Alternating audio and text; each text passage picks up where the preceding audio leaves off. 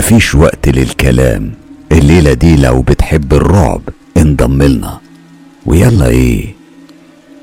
يلا بينا. أنا مريم عايشة في شرق الجزائر وحابة أشارككم تجربة ماما عاشتها. هي حصلت معاها سنة 2001 والكلام ده حصل في مدينة من مدن الغرب الجزائري. في الوقت ده والدتي كانت حامل بيا. وراحت علشان تحضر فرح أخوها. هما كانوا مأجرين صالة أفراح. كان عندهم عادة كده قبل بداية الفرح إنهم يذبحوا خروف ويعملوا مشاوي للعيلة وده فعلا اللي حصل. ولما خلصوا ذبح الخرفان ما رموش الملح على الدم ونظفوا المكان. هم اكتفوا بس إنهم يرموا شوية تراب على الدم وسابوه.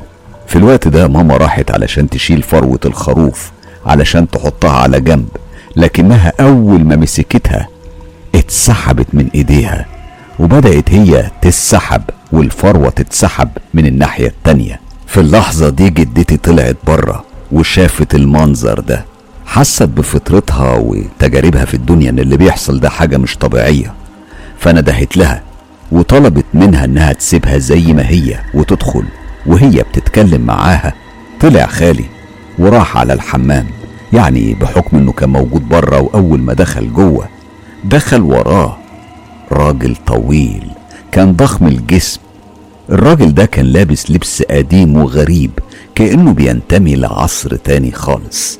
الراجل ده قفل الباب على خالي وقال له أنتوا لازم تمشوا من هنا حالا. شيلوا كل شيء وسيبوا اللحمة زي ما هي ومفيش حاجة هتحصل لكم. خالي من قوة الصدمة وقع على الأرض وبدأ يصرخ. هنا سمعته جدتي وراحت جري عليه وندهت لباقي أخوالي اللي كسروا الباب وطلعوه. لما طلعوه كان بيرتعش وأسنانه بتخبط في بعض. وبعد ما هدى شوية قعد يحكي لهم على اللي حصل معاه. طبعا محدش فيهم صدقه. وكملوا يومهم بشكل عادي. لما جت فترة الليل شغلوا الكاسيت وحطوا أغاني أفراح علشان ينبسطوا وبدأت تتوقف الأغاني.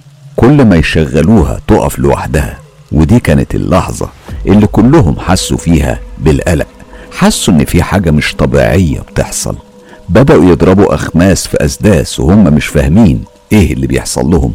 كل فكرهم كان إن الكاسيت ده بايظ لكن اللي قطع حيرتهم طلوع نفس الراجل من واحدة من الأوض اللي بيغيروا فيها هدومهم. كلهم في اللحظة دي كانوا شايفينه بنفس الشكل.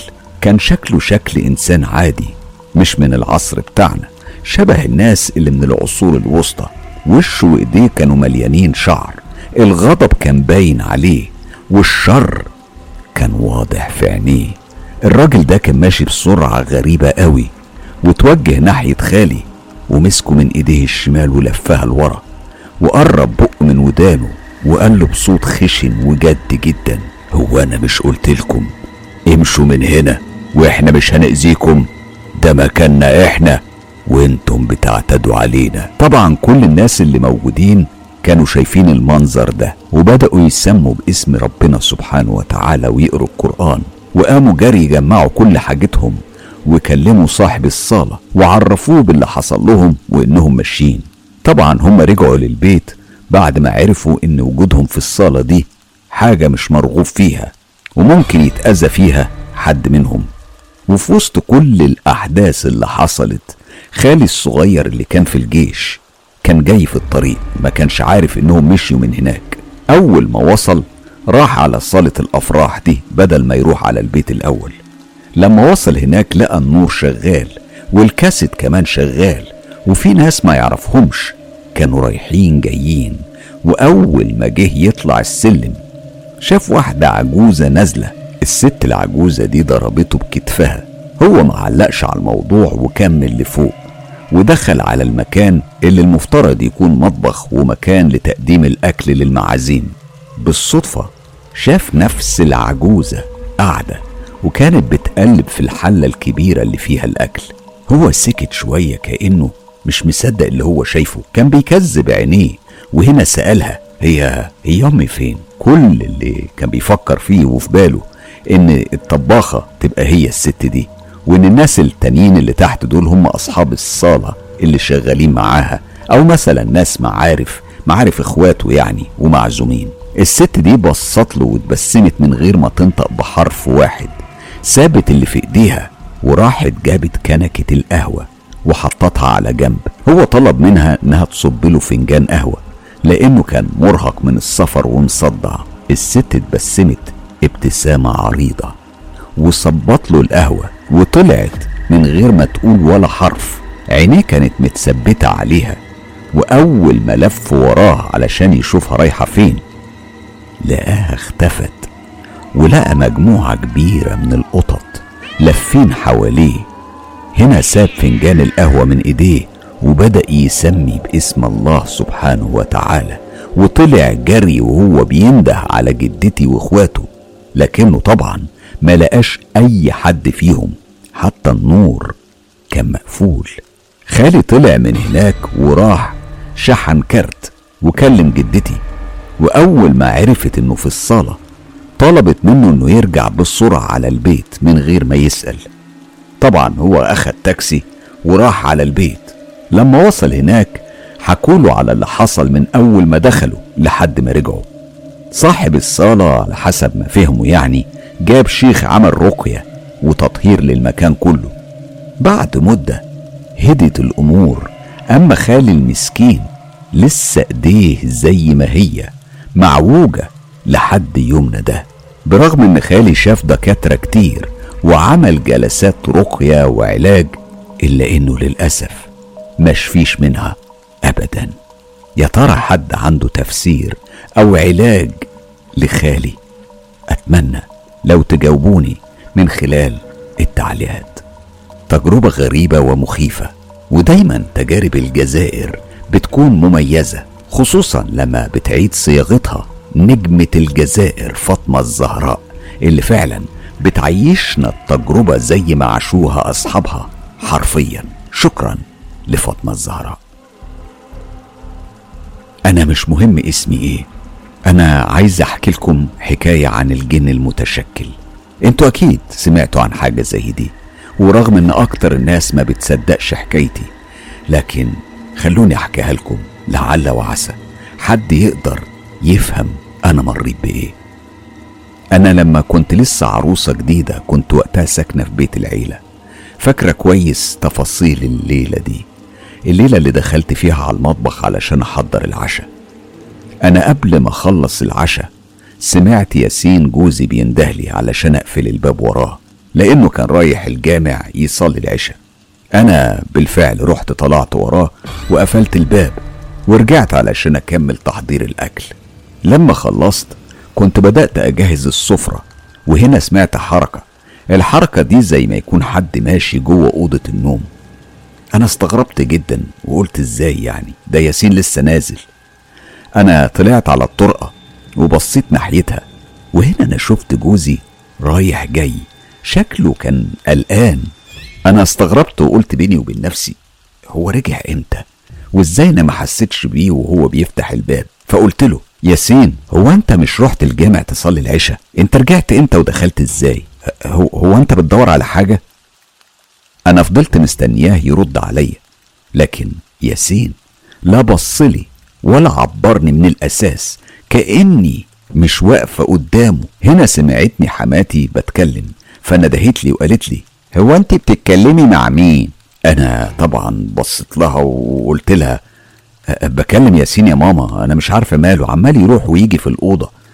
شكله كده زي ما يكون في حاجة قلقاه. أنا حتى سألته وما ردش عليا ياسين مين اللي في الأوضة؟ هو مش طلع الجامع علشان يصلي و... ويرجع وبعدين أنت قفلت الباب وراه بنفسك. يا لهوي أمال مين اللي أنا كنت شايفاه رايح جاي ده وكلمته وما ردش عليا حماتي قامت وراحت على الأوضة علشان تتأكد لكنها ما لقتش أي حد.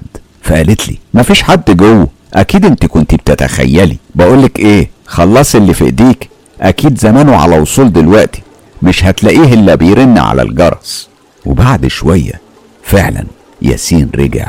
فتحت له في اللحظة نفسها أنا حسيت برعشة في جسمي.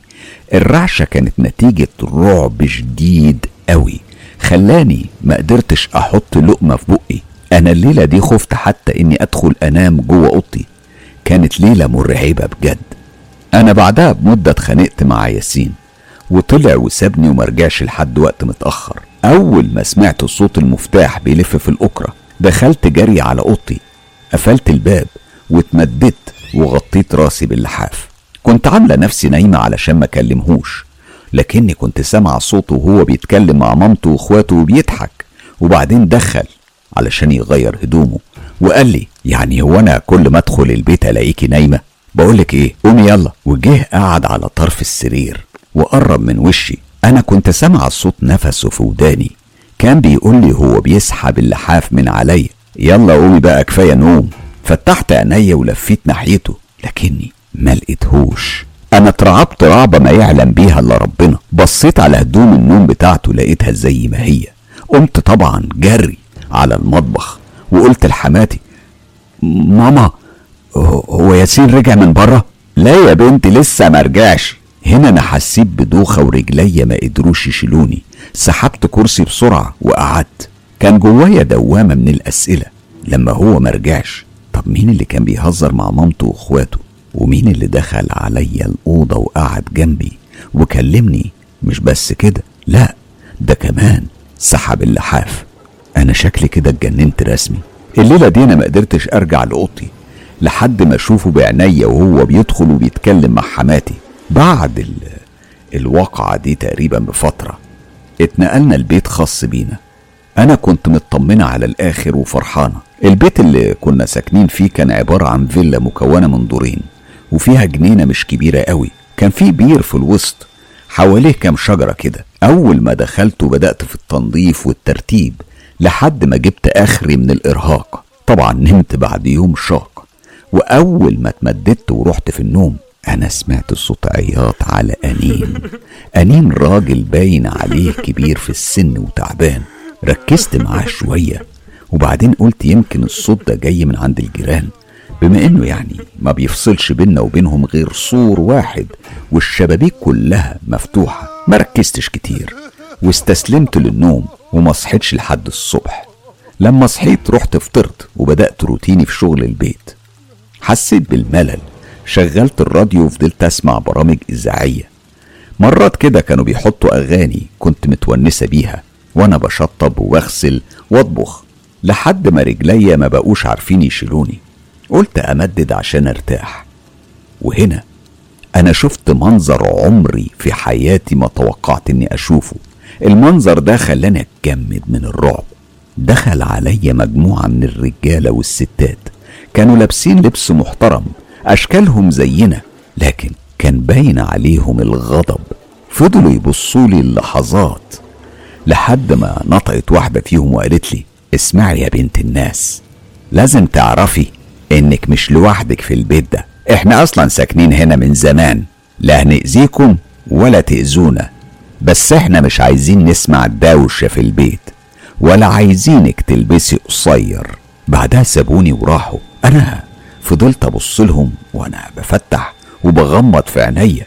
ما كنتش مصدقة إيه اللي أنا شفته وسمعته ده. بعدها بقيت كل ما أطل من الشباك في أوقات معينة بشوف ست وراجل واقفين قدام الشجرة اللي جنب البير ولما بطلع على الجنينة ما بلاقيش حد. كنت دايما بقنع نفسي إني بتخيل ده غير إني لما كنت أنزل على المطبخ بالليل علشان أشرب مية مثلا أشوف حد طاير في الهوا بيفضل رايح جاي قدام الشباك ومرات بيطل عليا ويختفي. طبعا لما حكيت لياسين قال لي لا ده أنت بتتخيلي بس شيل الأفكار دي من دماغك. هو أنت يا بنتي مش كنا خلاص خلصنا من الكلام ده من زمان؟ طبعا كنت بقفل في الموضوع. وما بحاولش إن أنا أتجادل معاه. كمان لما كنت بشغل المسجل وأحط أغاني كنت على طول أسمع صوت دق وخبط ورزع في أماكن مختلفة في البيت خصوصا في المطبخ. ولما أطفيه وبحط قرآن. الوضع كان بيهدى تماما. فبقيت بشغل قرآن طول اليوم لحد ما في يوم خلصت شغل البيت واتوضيت وصليت. وقبل ما أخلص مر عليا اتنين رجاله لابسين اسود دخلوا في الحيطة قدام عينيا. الصراحة أنا اتسرعت اترعبت رعبة قوية جدا ومع ذلك أنا خلصت صلاتي وقمت جري على الراديو شغلت قرآن. ولما حكيت لجوزي ضحك وقال لي البيت ده بيت فيه عمار مسلمين خلي بالك دول مش مؤذيين أنا ما حبيتش أقولك علشان ما خوفكيش. أتريكي شايفة وعارفة أكتر مني؟ لا وبيطلعوا لك كمان وبيصبحوا ويمسوا عليكي إيه العز اللي أنت فيه ده؟ وفي مرة طلع يصلي العشاء زي العادة. أنا دخلت على المطبخ وافتكرت إني ما قلتلوش على شوية طلبات كنت عايزاهم. سمعت في الوقت ده دق خفيف على الشباك. بصيت لقيته هو بيكلمني من بره وبيقول لي هو أنت مش عايزاني أجيب لك حاجة معايا وأنا راجع؟ على طول طلبت منه الحاجات اللي كنت عايزاها. سمعني ابني. وجه جري هو كمان وطلب منه بسكوت وشوكولاتة. وراح. دخلت اتوضيت بعدها وصليت العشاء. أنا استنيته يرجع. وأول ما دخل بصيت لإيديه ما لقيتهوش شايل أي حاجة معاه. فسألته هي فين الحاجات اللي طلبتها منك يا ياسين؟ حاجات إيه؟ أنت ما طلبتيش مني أي حاجة. هنا أنا اتسندت على الحيطة وفضلت بصاله لحظات. وبعدين قلت له إزاي ما طلبتش؟ انت مش مخبط على شباك المطبخ وسألتني لو أنا محتاجة حاجة عشان تجيبها معاك؟ طب طب استنى. ندهت لابني وقلت له سامي تعال. أبوك رجع. سامي جه ببراءة الأطفال وهو بيتنطط وكان بيقول بابا جه بابا جه. وجاب لي الشوكولاتة والبسكوت اللي طلبتهم منه. ياسين قال له بسكوت وشوكولاتة إيه أنت كمان؟ أنت هتجنني أنت وأمك. رد عليه سامي. لا يا بابا ده البسكوت والشوكولاتة اللي أنا طلبتهم منك لما كنت بتكلم ماما من الشباك. هنا ياسين ضحك وقال لا إله إلا الله. طب خلاص أنا كده فهمت الموضوع. بصي أنا أول ما طلعت من هنا رحت على الجامع من غير ما تلفت ورايا حتى. واللي كلمك ده مش أنا. فهمتي؟ بس ما تخافيش. المفروض يعني إنك اتعودت عليهم. طبعا الكلام ده قالهولي من غير ما يلفت انتباه سامي. أنا لحد اللحظة اللي بكتب لكم فيها دي لسه ساكنة في البيت ده ولسه بتحصل لي معاهم مواقف. أنا أنا فعلا اتعودت عليهم ما بقتش بخاف منهم بس أتمنى أتمنى حد يفهمني هل تعتقدوا إن جوزي ممكن يكون له علاقة بيهم؟ حد يطمن قلبي. بشكر صاحبة القصة على مشاركتنا بتفاصيل تجربتها الغريبة وأتمنى إن إحنا من خلال فقرة التعليقات أو من خلال التعليقات على الفيديو يا ريت نقول لها إيه رأينا في الموضوع؟ وهل جوزها فعلا ممكن يكون له علاقة بالمواضيع اللي بتمر بيها؟ أنا بالنسبة لإجابتي هجاوب عليها في اللايف اللي جاي لكن حابب أسمع رأيكم من خلال التعليقات. التجربة دي من الأردن وبتحكيها لنا فيه فيه عندها 30 سنة وبتقول لنا بالمناسبة أنا من أشد المتابعين لقناة مستر كايرو من سنين لكن النهاردة أنا أول مرة بتجرأ وبشارك معاك بتجربة عشتها وأنا مراهقة أيام المدرسة واللي عواقبها لسه مستمرة معايا للوقت الحالي. في البداية خلوني أحذر وأنبه أي حد بيحاول يعبث مع العالم الآخر بأي شكل من الأشكال. لأن دول كائنات ربنا سبحانه وتعالى خلقهم وخلق ليهم عالمهم زي ما إحنا لينا عالمنا وعايشين فيه. لكن هنقول إيه؟ الفضول أحيانا بيكون قاتل وأنا الفضول وقتها كان أقوى مني. في يوم كنا مروحين أنا وزميلاتي من المدرسة وقررنا إن إحنا نروح نذاكر مع بعض عندي في البيت. كان بيتنا في الوقت ده بيت جميل واسع وله حديقة. أقل وصف ليها إنها زي الجنة. البيت ده أو الفيلا دي بناها أبويا لينا علشان نعيش كل عمرنا فيها. كل حجر في الفيلا دي كان بيحمل الكثير من المعاناة والشقاء اللي أبويا مر بيه علشان يعيشنا عيشة حلوة. المهم وإحنا قاعدين أنا وصديقاتي قررنا نلعب اللعبة الغنية عن التعريف. تمام. زي ما خطر في بالكم بالظبط. لعبة الويجا ويا ريتنا يا ريتنا ما لعبنا ولا فكرنا فيها. رتبنا اللوح المخصص للعبة وبدأنا نستدعي الأرواح وكنا بننده بأسماء مفيش داعي إن أنا أذكرها. وبالفعل المؤشر كان بيتحرك بيتحرك حسب ما كنا بنسأل. سواء بقى كنا بنلعبها بطريقة صح أو غلط مش مهم. المهم إن حياتنا بعدها كلها اتقلبت رأسا على عقب. من ورا اللي هببناه وإحنا مش عارفين.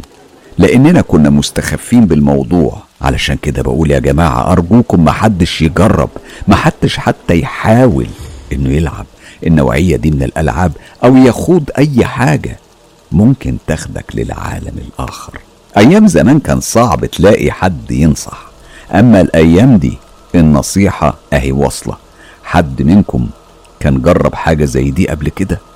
أنا بقول لكم وعن تجربة اللي حصل معايا. كنت بالليل أحيانا كتير وأنا نايمة أصحى فجأة في نص الليل على حضور كيان أسود طويل. الكيان ده كان دايما يقف بين بالزاوية ما بين باب الأوضة والحيطة. ما بيبقاش فيه أي ملامح واضحة عليه. سواد في سواد. والكيان ده كان بيفضل باصص باصص فيا ومتنح على الآخر. نظراته كانت عميقة جدا والأخطر إن الهدوء كان بيعم المكان. سكون تام مفيش ولا نسمة هوا. الدنيا كانت سودة ضلمة كحل. مفيش غير أنا والكيان وبس. كنت بتعوذ بالله سبحانه وتعالى من الشيطان الرجيم وأحاول أرجع أنام. كتير حاولت وكنت دايما بعاني. بعاني أشد المعاناة مع الكيان ده. مرت الأيام على الوضع ده لحد ما بدأت الأمور تتطور. في الوقت ده كنت بحس بحد بيزقني وأنا نايمة كأنه عاوز يصحيني. كنت بحبس نفسي من الخوف وأحاول أتجاهل الشيء ده لحد ما ينصرف. أنا اكتشفت بعد كده إن الحاجات دي بتقوى لما إحنا بنخاف. أنا صحيح قلبي قوي جدا لكن أكيد المواقف دي أي حد طبيعي هيخاف. أنتوا عارفين أنا عملت إيه؟ هتستغربوا كلكم والله. في يوم زي العادة ظهر الشيء ده في الزاوية من ناحية الأوضة.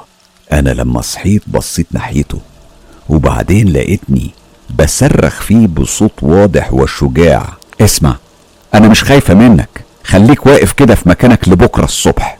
طبعا كنت بقول الكلام ده باللهجة الأردنية ورجعت نمت ولا كأن في حاجة. والله العظيم يا مستر كايرو أنا ما رجعتش شفت الكيان ده بعد كده خالص بس حالي كأني دايما يعني بتحول من سيء لأسوأ. مع الأسف لأني بدأت أعاني من الجاسوم الفظيع اللي كنت حرفيا بتشل منه. وقت لما كان الجاسوم بيهاجمني ما كنتش بعرف أقرأ قرآن ولا أي حاجة. كنت بحس إني خلاص روحي هتطلع. أقسم بالله أنا كنت دايما متكاسلة بالدراسة. كنت أغلب الأوقات لوحدي. ما كانش ليا أصدقاء كتير. خلصت الثانوية عامة وبعدها دخلت التخصص اللي كنت بحبه من وأنا طفلة. وكملت بكالوريوس طب بيطري. بعدها خلصت ماجستير درجة امتياز. على أمل إن وضعي يتحسن ولاقي شغل كويس. وبرغم إن أنا كنت بتقييم ممتاز من أساتذتي في الكلية لكن ولا مرة ولا مرة توفقت بشغل كويس. كل ما كنت أروح مقابلة كانوا بيرفضوني من غير أي سبب واضح. شركة أبويا اللي كنت ناوي أشتغل فيها فلست وسكرت من البلد كلها. بيتنا الجميل اللي كنت بحكي لكم عليه اتباع بسبب الظروف الصعبة اللي مرينا بيها واللي قسمت ظهرنا. أمي وأبويا انفصلوا عن بعض بسبب كتر الخلافات ما بينهم. إخواتي حالهم متعطل مع إنهم كلهم جامعيين ومتعلمين في منهم المهندس ومنهم اللي عنده صنعة بمجال السيارات. لكن ولا واحد فيهم بيشتغل وكل ما يحاولوا يعملوا حاجة بتحصل حاجة تخرب كل شيء عليهم ويتعطل حالهم. أمي بقت دايما مكتئبة بسبب حالنا. أنا كبرت وأنا معلقة كل شهاداتي وخبراتي على الحيطة ولا انتفعت من كل العلم ده بأي حاجة لحد ما اتجوزت. وهنا بدأت معاناتي مع الخلفة والعلاجات اللي استمرت سنين وربنا ما أردش لينا الخلفة. طبعا غير المشاكل مع جوزي على أتفه الأمور. عارفين؟ أنا إنسانة مؤمنة وراضية بقضاء الله سبحانه وتعالى وقدره. لكن سؤالي أرجوك يا مستر كايرو هل كل الأحداث دي طبيعية إنها تحصل لنا؟ ولا الموضوع ده له علاقة باللعبة اللعينة إياها. أرجوك ساعدني. أنا أيامي كلها بقت شبه بعضها ولا أي حاجة جديدة بتحصل. أنا فاقده الأمل قوي وضميري بيعذبني. خايفه أكون أنا السبب في كل المعاناة الرهيبة دي اللي بيعيشها أهلي. فيه بشكرك كتير على ثقتك في قناة مستر كايرو وإنك تشاركينا بتجاربك الشخصية وبظروف حياتك الصعبة. ربنا سبحانه وتعالى يعني يهون عليكي ودي محنة أكيد هتعدي وأكيد هتشوفي أيام أحلى من كده ألف مرة. بس خلي يقينك بالله سبحانه وتعالى فكرة إنك لعبتي باللعبة دي يعني ممكن تكون فتحت عليكي باب باب مش كويس باب لعالم إحنا المفروض ما نتدخلش معاه. لكن في جميع الأحوال أنا أشك إنها تكون سبب كل المشاكل اللي بتمروا بيها. ده اختبار من عند ربنا سبحانه وتعالى. مرحلة صعبة وبتمروا بيها. لكن تأكدي طول ما يقينك بربنا يقين وطول ما إيمانك بيه إيمان قوي أكيد هتعدي المحنة وهتشوفوا أيام مفيش أحلى منها وده وعد. ويبلغينا لما الأمور تتحسن. طبعا بشكر فرح على إعادة صياغة أحداث القصة دي. فرح من الأردن أحدث وجه من كتاب قناة مستر كايرو. بشكرك كتير فرح. بمناسبة لعبة الويجا والناس اللي بتلعب اللعبة دي اللعبة الخطيرة واللوح اللي بيسموه في بعض المناطق العربية بلوح المصير لأن من خلاله ممكن مصير الإنسان يتغير بالكامل. غادة شاهين أعادت صياغة تجربة مر بيها مجموعة من الأصدقاء وهتحكيها لنا بالتفصيل بصياغة درامية هتخلينا نعيش الأحداث زي ما عاشوها أصحابها. في فترة من الفترات طلعت في دماغي نجرب لعبة الويجا. بالنسبة لي يعني كانت لعبة. ما كانتش يعني عندي أي قناعة أنها وسيلة اتصال بجد مع كائنات تانية. وبما إني يعني بحب أجرب قلت أجرب. ما عنديش بورد مخصوص فقلت أعمله بنفسي. أنا جبت ورقة فلوسكاب وكتبت عليها الحروف الأبجدية. وفي أطرافها العليا كتبت كلمة نعم ولا. وفي الأطراف السفلية كتبت السلام عليكم. والناحية التانية كتبت مع السلامة قعدت أنا وواحدة صاحبتي وابني الكبير وزميل الدراسة له. استعملنا غطا إزازة بلاستيك وحطينا صوابعنا عليها. تخيلوا الغريبة إن الطريقة دي نفعت واللوحة اشتغلت. أنا هختصر لكم تفاصيل كتير وهدخل في الموضوع على طول. تجربتي دي مش علشان أشجع الناس إنها تجرب لأن لولا ستر ربنا سبحانه وتعالى كنا رحنا كلنا في داهية. من لطف ربنا إن اللي تواصل معانا كان جن مسلم. وطبعا لأننا كنا في الأول شاكين في إن حد مننا ممكن يكون هو اللي بيوجه غطا الإزازة. كنا بنتعمد نسأل أسئلة ما يكونش الآخرين المشتركين في الجلسة يعني يعرفوها. ومع الوقت إحنا اتأكدنا إنه كيان تاني. وبالمناسبة هو كان بيفضل وصفه بكلمة جان وليس جن. واشترط علينا ان إحنا ما نسألش عن أمور مستقبلية لأنها في علم الله ولا يعلم الغيب إلا الله سبحانه وتعالى. لغته كانت عربية فصحى رصينة. طبعا ده اللي لاحظناه من خلال الكتابة واختياره للحروف.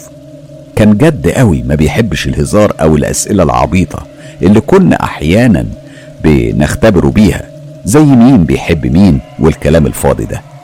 الحقيقة إن هو اللي أخدنا لمستوى تاني من النقاشات في أمور أكتر جدية في الحياة وطبعا أمور في الدين كمان. مع الوقت وتكرار الجلسات بقى عندنا إدمان للحديث مع الكيان ده. ابتدت كمان كيانات تانية من نفس قبيلة الجان المسلمين اللي سامحوني أنا مش هذكر أسمائهم هم كمان بدأوا يتواصلوا معانا عن طريق لوحة التواصل زي ما كانوا بيسموها.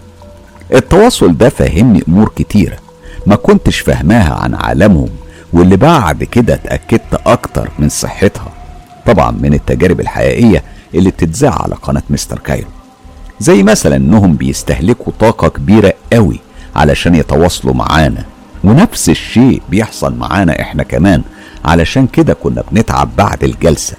وأحيانا لو إحنا أصلا تعبانين أو طاقتنا ضعيفة ما كناش بننجح في التواصل. كانوا دايما بيطلبوا إن إحنا نبعد عن أي أجهزة زي الموبايلات أو أي أجهزة زي التلفزيون وخلافه علشان ما يأثرش على الطاقة ويضعف التواصل. كان دايما عندي فكرة سطحية عن الجن إنهم موجودين حوالينا في كل مكان بس إحنا مش شايفينهم. لكن طلع الموضوع أعمق من كده. هم موجودين بس في بعد آخر له تردد أو ذبذبة مختلفة عن ذبذبة عالمنا. وهو ده اللي بيحجبهم وبيخلينا ما نعرفش نشوفهم. الغريبة بقى إني اكتشفت إن الأجهزة ممكن تلقط الذبذبات دي. علشان كده ممكن تلاقوا إن الكاميرات بتسجل رؤيتهم لكن عينينا لأ. في موقف حصل كان غريب جدا. الكلام ده من أكتر من عشر سنين. وقتها كان عندي الكمبيوتر القديم التقليدي أبو شاشة زي شاشات التلفزيونات القديمة و hard disk زي الشنطة كده وكنت موصلة عليه سماعات وله ترابيزة مخصوصة. كانت في ركن بعيد في الصالة. كنت فاتحة برنامج سكايب اللي كان وقتها أحدث حاجة في التواصل صوت وصورة عن بعد. وكنت بتكلم مع صديقتي رفيقة الجلسات. كان عندها سؤال ضروري. وطلبت مني أعمل جلسة سريعة أنا وابني ونعرف إجابة لسؤالها. اليوم ده أنا سبت الكمبيوتر وسكايب مفتوح ورحت قعدت في أوضة النوم بتاعتي بعيد خالص مع ابني يعني علشان نعمل جلسة على لوحة التواصل. وإحنا في نص الجلسة لقيت صديقتي بتتصل على الموبايل بإلحاح. أنا استغربت ولما رديت عليها لقيتها مخضوضة كانت بتسألني إيه أنتوا كويسين؟ قلت لها في إيه يا بنت؟ ما أنا بعمل الجلسة زي ما اتفقنا وقاعدة في الأوضة جوه. طب إيه الأصوات اللي عندكم في البيت دي؟ أنا سامعاها من سكايب. في صوت زي ما يكون ضرب نار أو ترقعات كده متتالية جامدة جدا. أنا رجعت للوحة التواصل علشان أعرف إيه تفسير الأصوات دي. فعرفت إن ده صوت اختراق المجال اللي بيحصل لما نعمل جلسة تواصل. صاحبتي سجلت الصوت ده وسمعتهولي. لأني من ناحيتي ما كنتش سامعاه ولا حسيت بيه. الصوت كان حقيقي مرعب عامل زي صوت الطيارة لما بتخترق حاجز الصوت. كان لينا أصدقاء مقربين طلعوا في رحلة لجبل سانت كاترين في سينا في عز الشتاء وفي الوقت ده حصلت عاصفة ثلجية عنيفة منعت الرؤية تماما. أصحابنا تاهوا في الجبل وخرجوا عن المسار المحدد. الوقت ده كانت حادثة كبيرة قوي. والناس كلها كانت قلقانة على مصيرهم. وهل فرق البحث هتقدر تنقذهم قبل فوات الأوان؟ طبعا إحنا عملنا جلسة وسألنا على أساس إننا مش بنسأل عن غيب يعني. ده أمر حاصل بس إحنا مش قادرين نعرف. فلو ينفع يعني تطمنونا هم لسه أحياء ولا لأ؟ ما خرجناش بأي إجابة شافية والكلام كان كله العلم عند الله. وادعوا لهم. لدرجة إن إحنا زعلنا منهم. هم ليه مش بيردوا علينا برد شافي سواء حلو أو وحش؟ طبعا ما كانش إلا كام يوم وتم اكتشاف جثث أصدقائنا المتجمدة للأسف. الله يرحمهم. كانت صدمة كبيرة لينا ولما عاتبناهم أنتوا أكيد كنتوا عارفين إنهم اتوفوا من أيام. طب ليه ما بلغتوناش لما سألناكم؟ كان الرد مفحم. ليه نبلغكم بخبر زي ده؟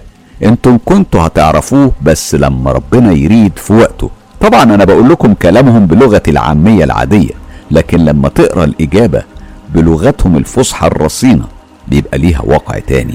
هم زيهم زي البشر في اختلاف الشخصيات منهم الهادي ومنهم العصبي منهم الجاد ومنهم المتجاوب مع الهزار ومن الشخصيات اللي مش ممكن أنساها وكانوا بيكلمونا بلغتنا العامية.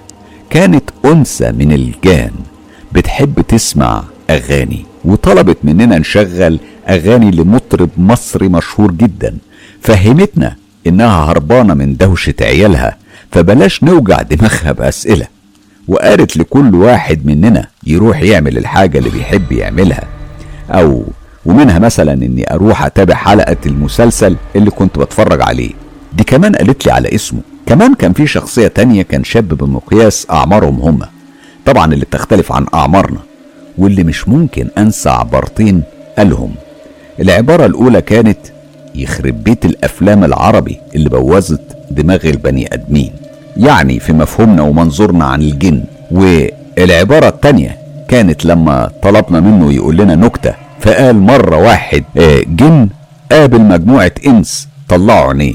بصراحة القبيلة دي كانت متحملة سخافتنا الإنسية بصبر شديد والسر في كده إن رئيسهم أو حاكمهم كان قرين زميلة ابني في الدراسة اللي بتشاركنا الجلسات. هما كانوا بيستجيبوا لطلباتنا المعقولة اللي يقدروا ينفذوها على حسب كلامهم وأهم حاجة إنها ما تخالفش تعاليم ربنا. زي مثلا يحركوا حاجة من مكانها لكن كعادة النفس البشرية ما بتشبعش. إحنا ابتدينا نطلب أكتر. يعني مثلا كنا بنقول لهم عايزين نشوفكم. والطلب ده كان دايما بيتقابل بالرفض والإجابة إن إحنا مش هنتحمل نشوفهم. لكن مع إلحاحنا في الطلب إنه يحصل ظهور ونشوفهم اتقال إن المكان لا يتسع للكيان اللي إحنا بنتواصل معاه. وقال لنا اطفوا النور واقفلوا باب الأوضة وركزوا وأنا هخليكم تحسوا بوجودي. إحنا فعلا عملنا كده وقعدنا في صمت تام. إحنا كنا أربع أشخاص صديقتي وأنا وابني وصديق له. ابني وصاحبه حسوا إنهم قاعدين في سوق مليان دوشة وبياعين وهيصة وزيطة وفي قطر بيعدي في الخلفية. وواحد منهم كان حاسس إنه قاعد بالمقلوب يعني راسه لتحت ورجليه لفوق. بينما أنا وصديقتي ما سمعناش ولا حسينا بأي حاجة. إلا مجرد قشعرة خفيفة. كل شوية أنا وصاحبتي كنا بنشتكي إننا مش حاسين أو سامعين اللي ابني وصاحبه بيحسوا بيه. في الآخر انتهت الجلسة بصوت هبدة جامدة جدا بره الأوضة. لما طلعنا لقينا كرسي من كراسي السفرة مرمي ومقلوب بعيد عن مكانه الأصلي. هنا إحنا عرفنا إن إحنا تجاوزنا حدودنا وغالبا نرفزناه. واللي فهمناه إن قدراتنا قدراتنا كبشر بتختلف في الشفافية والحساسية. يعني رغم إن كلنا في نفس الجلسة لكن استشعار كل واحد مننا مختلف وده بيفسر حاجات كتيرة في الحياة.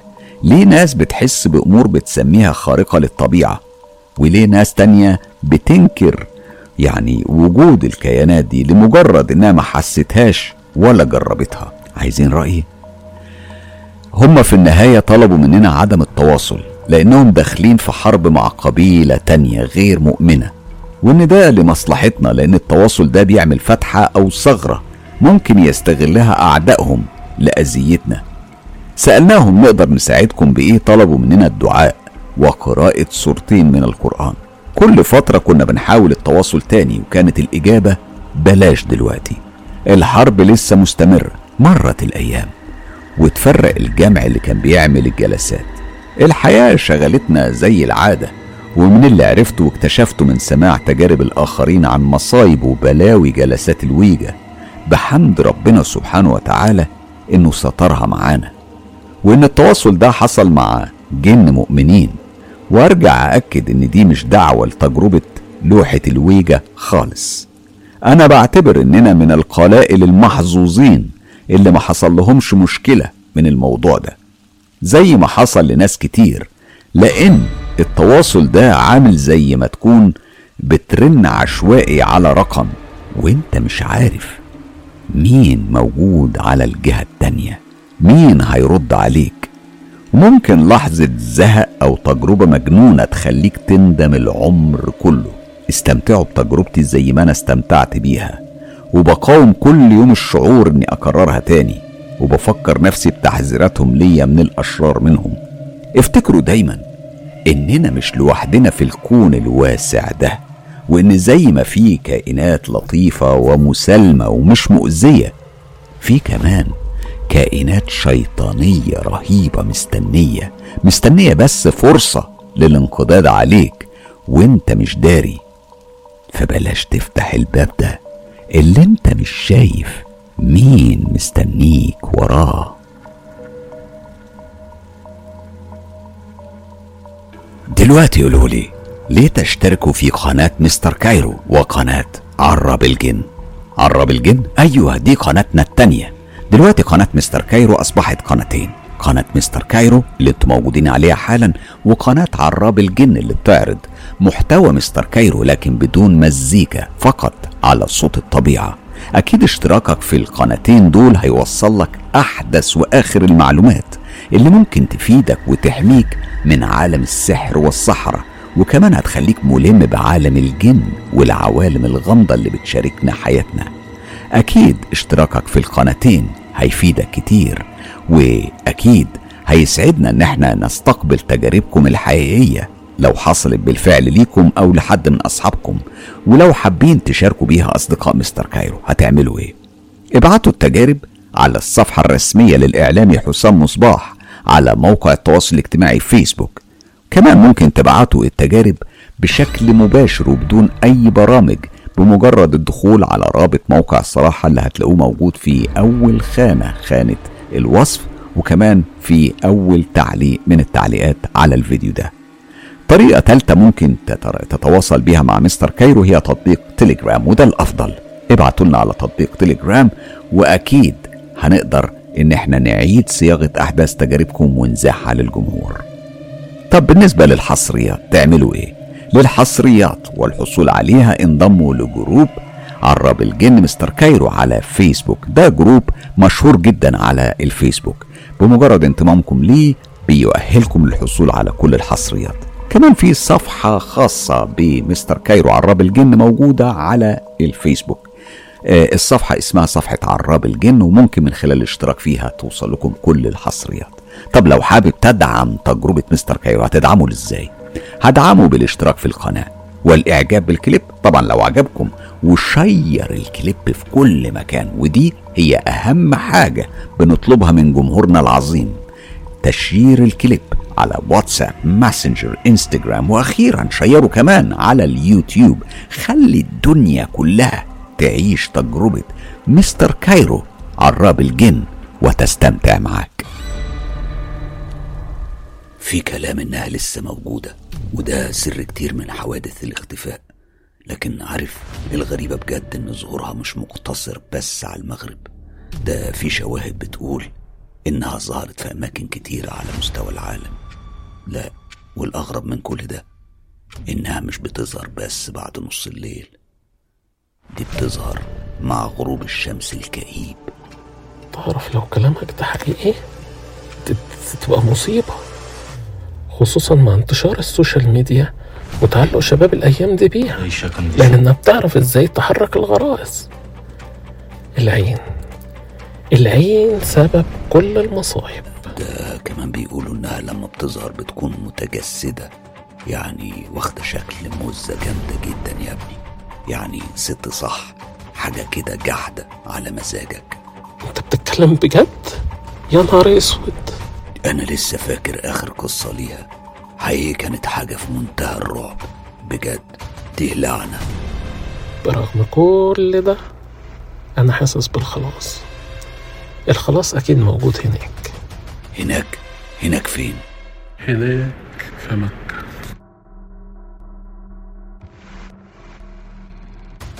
حسام مصباح مستر كايرو وليد جمال الساحر يقدمان. عيشة كنديشة قريبا على قناة مستر كايرو.